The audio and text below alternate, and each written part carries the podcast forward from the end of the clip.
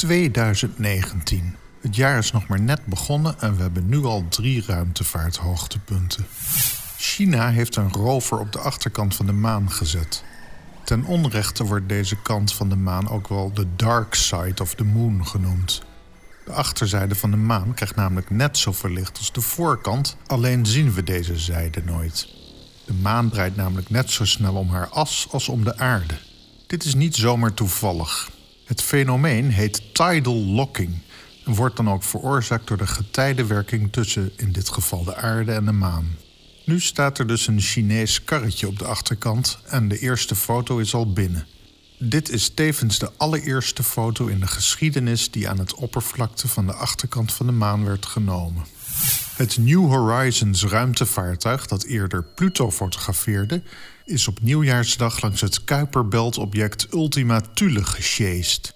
Op foto's is te zien dat Ultima Thule uit twee aan elkaar geplakte ballen bestaat, een soort sneeuwpop dus.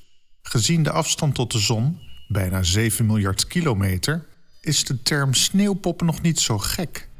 Ook hier is sprake van een primeur, want Ultima Thule is het meest ongerepte object dat ooit werd bezocht door een ruimtevaartuig. Het is in 4,5 miljard jaar niet of nauwelijks veranderd.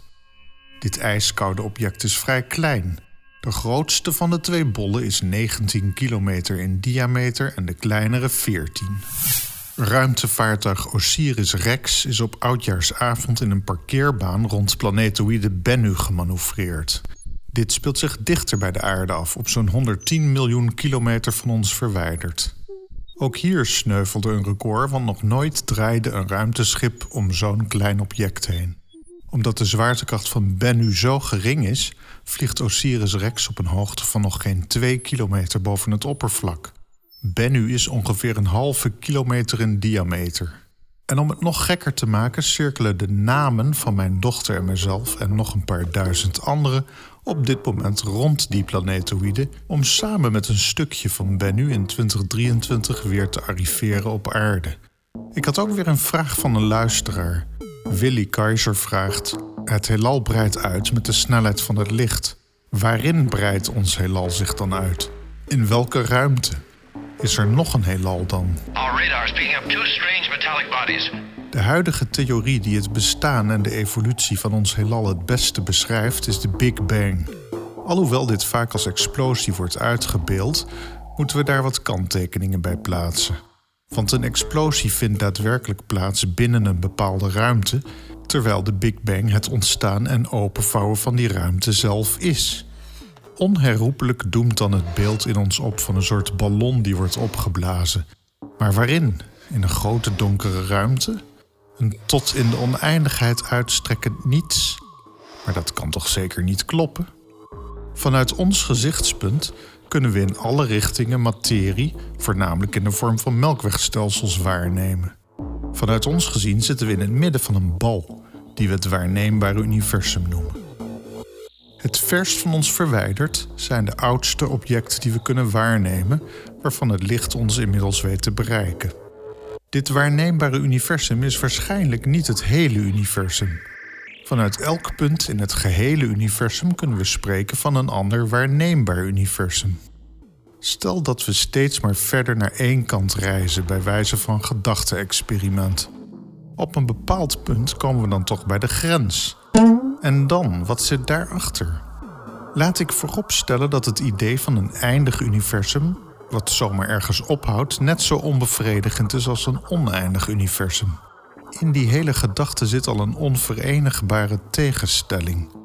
De wetenschap stopt voorlopig ook logischerwijs op het punt waar het echte heelal eindigt, omdat dit te ver van onze aarde verwijderd is om ooit waar te kunnen worden genomen en alles vanaf een bepaald punt, namelijk buiten het waarneembare universum, kausaal van ons ontkoppeld is.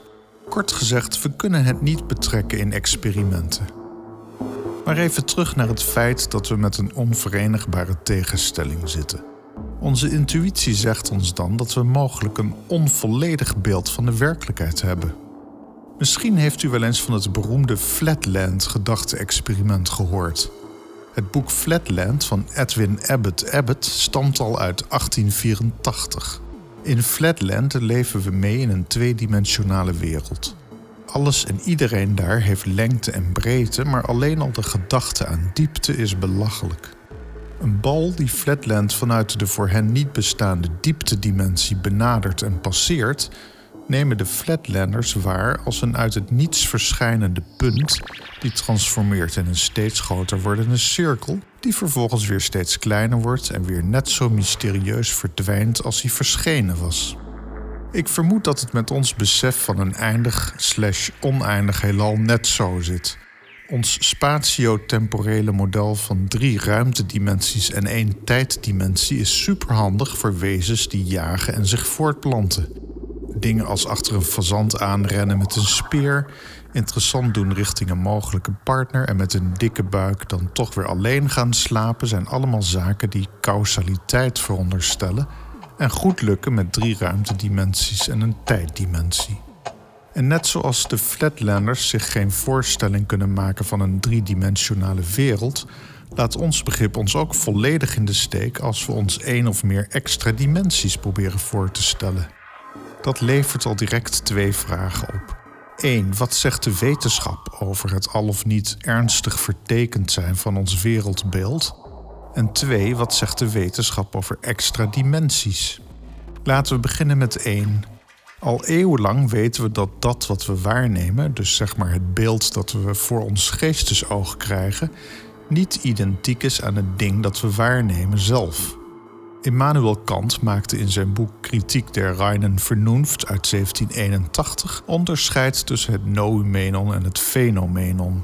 Kant zegt dat het ons onmogelijk is directe kennis te verkrijgen van de noumenale wereld en dat onze waarneming er een interpretatie van aan ons voorschotelt. Dat wat we waarnemen is hoe iets aan ons verschijnt. Een klein voorbeeld. Stel dat we een aubergine op tafel zien liggen. We zijn het er al snel over eens dat het ding paars is. Maar hoe weet u dat uw paars hetzelfde is als mijn paars? Dat weet u niet. Zeker omdat we de kleur als cirkel waarnemen, bestaat er best een kans dat wat u als paars voor uw geestesoog ziet, voor mij oranje heet.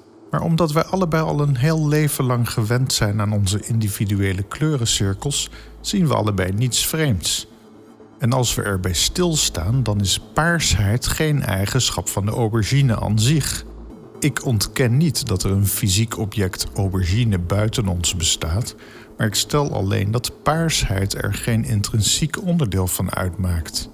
Iets aan het fysieke object aubergine zorgt ervoor dat onze menselijke ogen het onder deze lichtomstandigheden als paars ervaren. Een vleermuis daarentegen kent geen kleuren en ziet een oninteressante grijze blob en gaat vrolijk door met op insecten jagen, met haar superieure oren. En als u hier verder over doordenkt of leest, dan moeten we met z'n allen concluderen dat de waargenomen wereld een geïnterpreteerde subset en zelfs een vertekening van de werkelijke wereld zal zijn.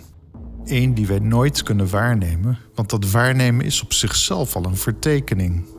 Alleen al de gedachte aan een eindig heelal binnen een oneindige leegte is vanuit dit standpunt gezien misschien een confrontatie met het falen van ons brein om de werkelijke wereld waar te nemen.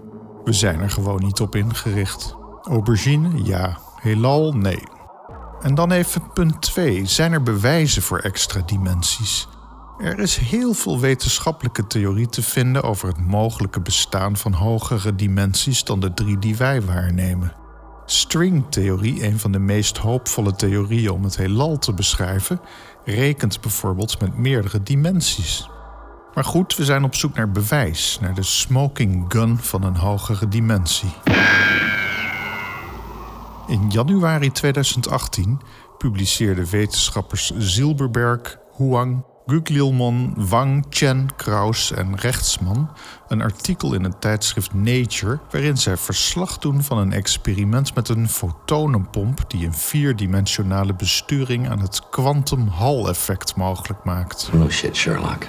Als het al mogelijk is om meer dan drie dimensies in experimenten op te roepen, dan is het goed denkbaar dat het heelal dat we waarnemen niet het complete plaatje is.